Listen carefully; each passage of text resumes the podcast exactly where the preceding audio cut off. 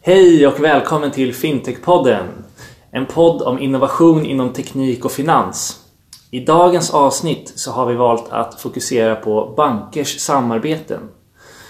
Det är en fråga som vi har gett oss in lite djupare i och kollat på hur samarbetar banker för att förbättra sina tjänster.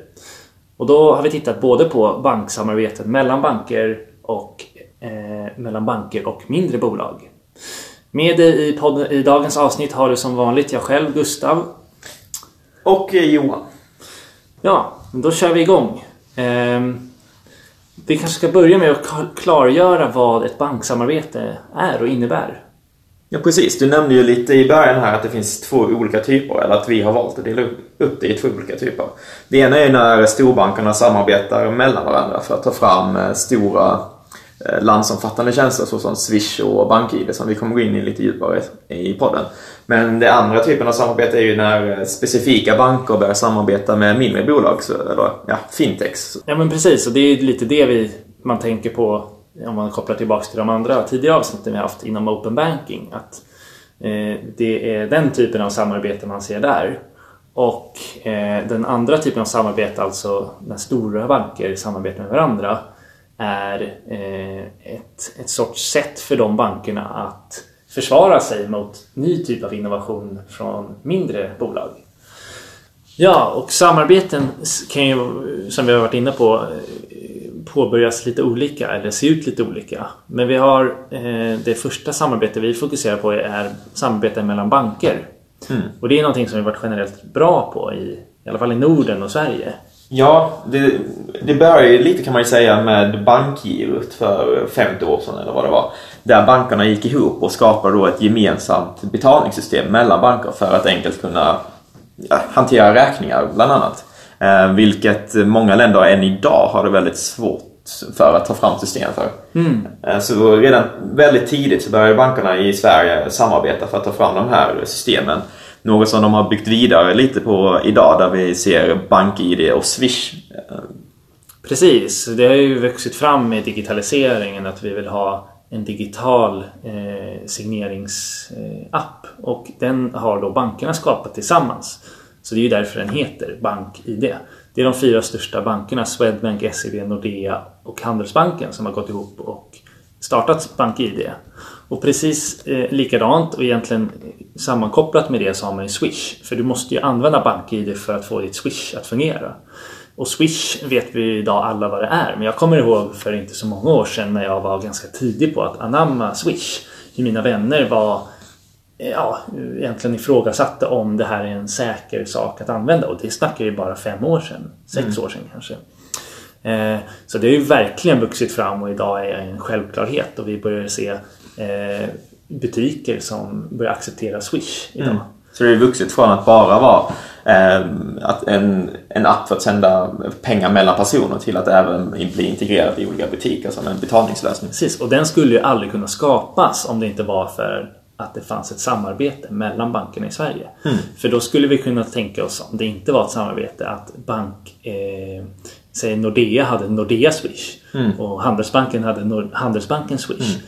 Men en Handelsbanken-kund skulle inte kunna swisha en Nordea-kund. Precis, och det är exakt den där situationen som har uppstått i princip alla andra länder i världen. I ja. USA och i övriga Europa så har varje enskild bank eller ett fåtal banker gått ihop till ett visst typ av samarbete. Vilket har gjort att de här tjänsterna inte har fått alls samma eh, genomslag på marknaden för att det blir väldigt förvirrande för slutanvändaren när den ska behöva använda sig av tio olika appar för att skicka pengar till olika personer eller företag. Precis, och olika personer i en och samma familj kan inte skicka pengar till varandra och så vidare.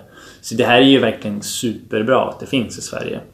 Men vi ska vara väl medvetna om att det är en ganska unik sak i världen att, ja. ha det så. Men det finns ju ett projekt som jobbar för att i alla fall utvidga det här eh, Swish och BankID kan man säga. Mm. Ett, ett nordiskt projekt. Uh, vi kallar det lite internt Super-Swish.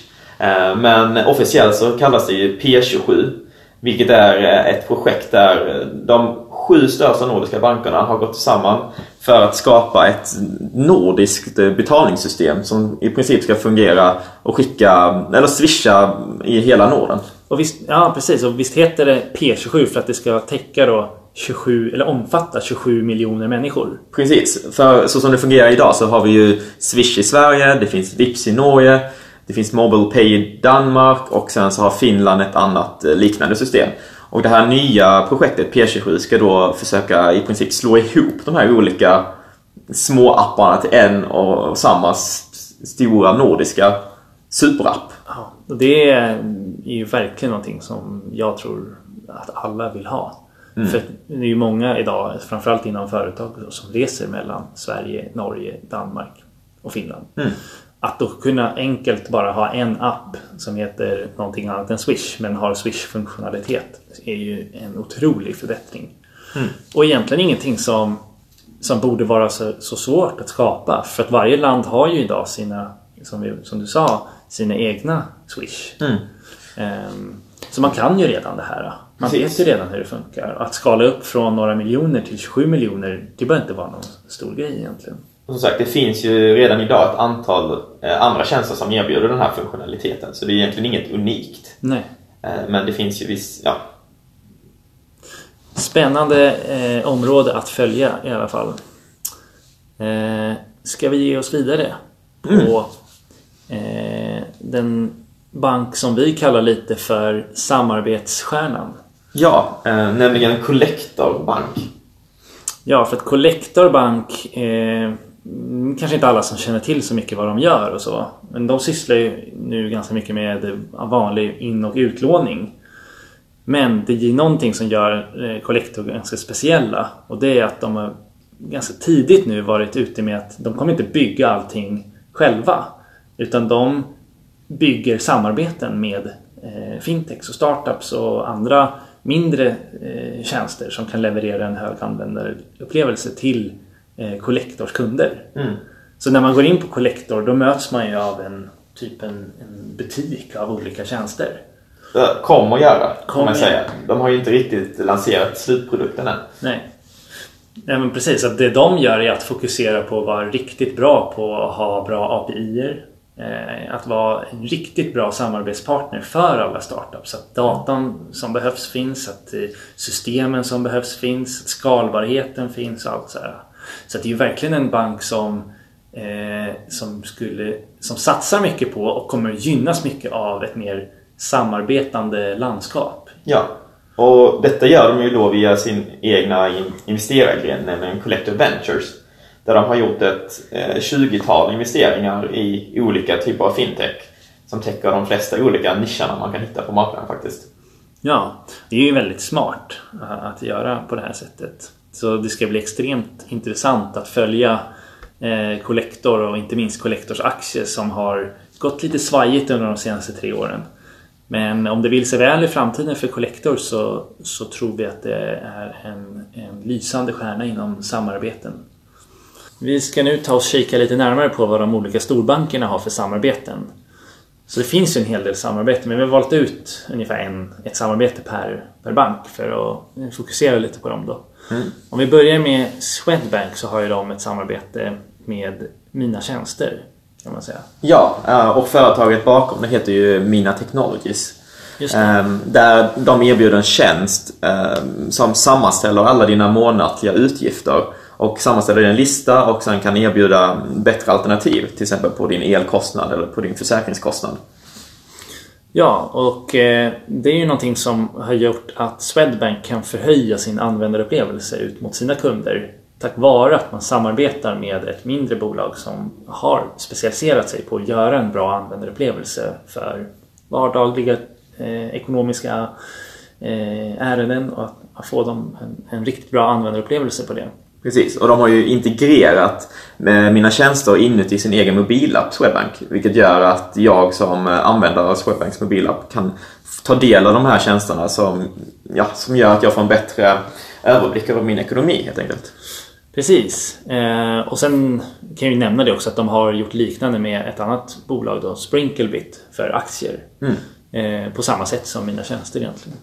Men om vi hoppar vidare då till SEB så är det en bank som har eh, där vi har valt att titta lite på deras samarbeten inom blockchain-sfären. För de är ju de som har inte jättemycket, men lite mer än de andra bankerna samarbetat med eh, blockchain. Jämfört med övriga svenska banker kan man säga. Ja, men precis. Och där har vi då R3 som man är med i. Som är ett stort konsortium där banker tillsammans utforskar blockchain. Sen har vi Ripple som är ett eh, realtidsöverföringssystem av pengar mellan länder. Mm. Så and settlement i realtid för cross-border payments. Och detta är väl något som SEB redan idag har testat att använda internt? Precis, så man använder Ripples teknik för eh, de har ju flera olika tekniker men en av deras tekniker har man använt och testar för jag har läst att det var transaktioner mellan deras eh, Stockholmkontor och New York-kontor som varit väldigt lyckosamma. Sen har man också investerat i, eller har man köpt upp, jag kommer inte ihåg, men i företaget Coinify Eh, som är en spelare inom kryptovalutor som eh, jag tror sysslar med att göra en sorts wallet för att kunder ska kunna ha sina kryptovalutor hos dem. Mm. Det är ännu ingenting som finns i SEBs utbud men eh, där har de varit inne och investerat i alla fall. Och där kan vi ju då gå över till kanske deras motsats då, Nordea som helt har gått, offentligt gått ut med att eh, förbjuda användningen av kryptovalutor och eventuella samarbeten. För sina anställda? Ja. Sigma Stocks är ett av Nordeas samarbeten. Där, vad är Sigma Stocks egentligen? Ja, det är en, man kan ju kalla den en rekommendationstjänst för um, investeringar. Um, så det är egentligen en eh, prenumeration som man tecknar som användare och sen får man tips utifrån ens egna förutsättningar på olika investeringsprodukter. Ehm. Ja precis och det är ju två tjejer som jag trodde hade gått på KTH men du rättade när jag sa att de har gått på Chalmers. Chalmers ja. Eh, så det är ju väldigt speciellt och de har ju fått investering inte bara från Nordea utan från flera andra riskkapitalister. Mm, mm. Och, och, det är ju på ett sätt gör att, att man som kund hos Nordea kan få en bättre användarupplevelse och tillgång till sparande tack vare samarbete mellan Nordea och eh, Sigma Stocks. Ja, och det är ju också en ny typ av rådgivning där man traditionellt kanske har gått till en bankman för att få hjälp med olika investeringsprodukter men nu har Sigma Stocks ju tagit fram en automatiserad produkt som man som konsument idag kanske förväntar sig att man ska kunna ta del av när man loggar in på sin internetbank. Ja men precis. Men nog om Nordea. Vi hoppar vidare till Handelsbanken.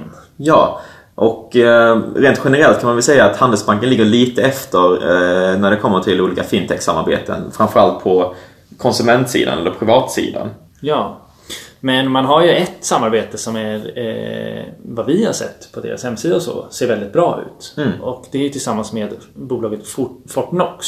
Precis, som erbjuder då digital redovisning eller redovisning online. Ja, så att eh, allt gammalt pappersarbete som företag har fått stått ut med, med eh, när det kommer till bokföring och så. Det hjälper Fortnox till med i en digital version istället. Mm. Och de har ju ett erbjudande där man kan som bank eh, samarbeta med Fortnox och få det presenterat, Fortnox lösning presenterad i bankens kontext kan man säga. Ja, så det Handelsbanken har gjort är ju att i princip eh, då köpt en licens från Fortnox och integrerat i sin internetbank för företagande. Och typ sminkat om Fortnox så att den ser ut som en eh, Handelsbanken-produkt mm. kan man säga. Och på det ämnet så kan vi också hoppa vidare till en annan sån typ av tjänst som är Tink. Ja, eh, och Tink är ett ganska speciellt företag för vi, de flesta konsumenter känner ju till Tink som en app som man kan använda i mobilen för att få en överblick över sin personliga ekonomi. Men Tink har ju också en annan produkt som de erbjuder till banker. Eh, där produkten är i princip likadan eh, som består av ett system som sammanställer olika bankers konton på ett och samma ställe. Ja, vad det handlar om där är att man låter banker använda den underliggande tekniken i Tink men sminka om dem och presentera dem i sin kontext. Så mm. man kan säga att en bank samarbetar med Tink, använder deras teknik, lägger in den i sin bank och sätter på sin UX-design på den och presenterar den för sina användare. Mm. Så den, grund, den underliggande tekniken är densamma för alla men presentationen ser lite annorlunda ut. Mm. Och här har ju både SEB och Nordea gått in ganska tidigt som investerare i Tink.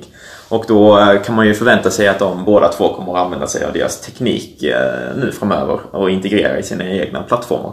Ja, precis. Och Tink är ju ett väldigt intressant bolag som eh, även andra banker, vi snackar Avanza och Nordnet, har samarbete med. Collector, Klarna, Qliro. Ja. Så att de blir ju otroligt viktiga för många banker idag. Mm. Men nog om storbankernas samarbeten, nu går vi vidare. Ja, men ska vi ta och knyta ihop dagens avsnitt lite då? ett samarbete har vi varit inne lite på kan vara både ett samarbete mellan storbanker i sig men också ett eh, samarbete mellan en bank och ett startup. Mm. Eller flera banker och samma startup. Mm. För det finns ju många av de här eh, startupen som flera banker är intresserade av att samarbeta med. Ja, precis. Men det vi tror kommer ske framöver är väl ännu fler tajtare samarbeten Både dels mellan bankerna men också med olika fintech för att bankerna ska kunna få ett bättre erbjudande till slutkund helt enkelt. Ja precis för att eh, lite som vi varit inne på i dagens avsnitt med eh, samarbetsstjärnan Collector så är det ju någonting vi ser inom Open Banking att fler banker går mot Mm. att ha en, någon sorts App Store för flera banksamarbeten eller flera appar. Mm. Och det är nog något som kommer att explodera nu med i takt med att PSD2 introduceras och verkligen går live nästa år. Ja. Ehm, så det är ju våran lit, liten take där att det kommer nog eh, utvecklas mycket de kommande åren på det här. Mm. Där vi ser ännu fler samarbeten. Ehm, men eh, inför nästa avsnitt då. Då har vi ett annat jätteintressant område som vi ska prata om. Ja, då tänkte vi kolla lite närmare på de så kallade utmanarbankerna eller uppstickarbankerna som finns. Dels i Sverige men också i övriga Europa och världen. Bland annat Revolut, Transferwise och Klarna kommer vi kika lite närmare på. Och vad är det som gör dem unika och hur ser framtiden ut för de här aktörerna? Precis, och de utmanar ju bankerna idag för de vill ju inte alltid samarbeta med bankerna utan de vill ju fixa rubbet själva. Så eh, häng gärna med i nästa avsnitt för där tittar vi in på vad som är speci- speciellt med dessa eh, utmanarbanker. Mm.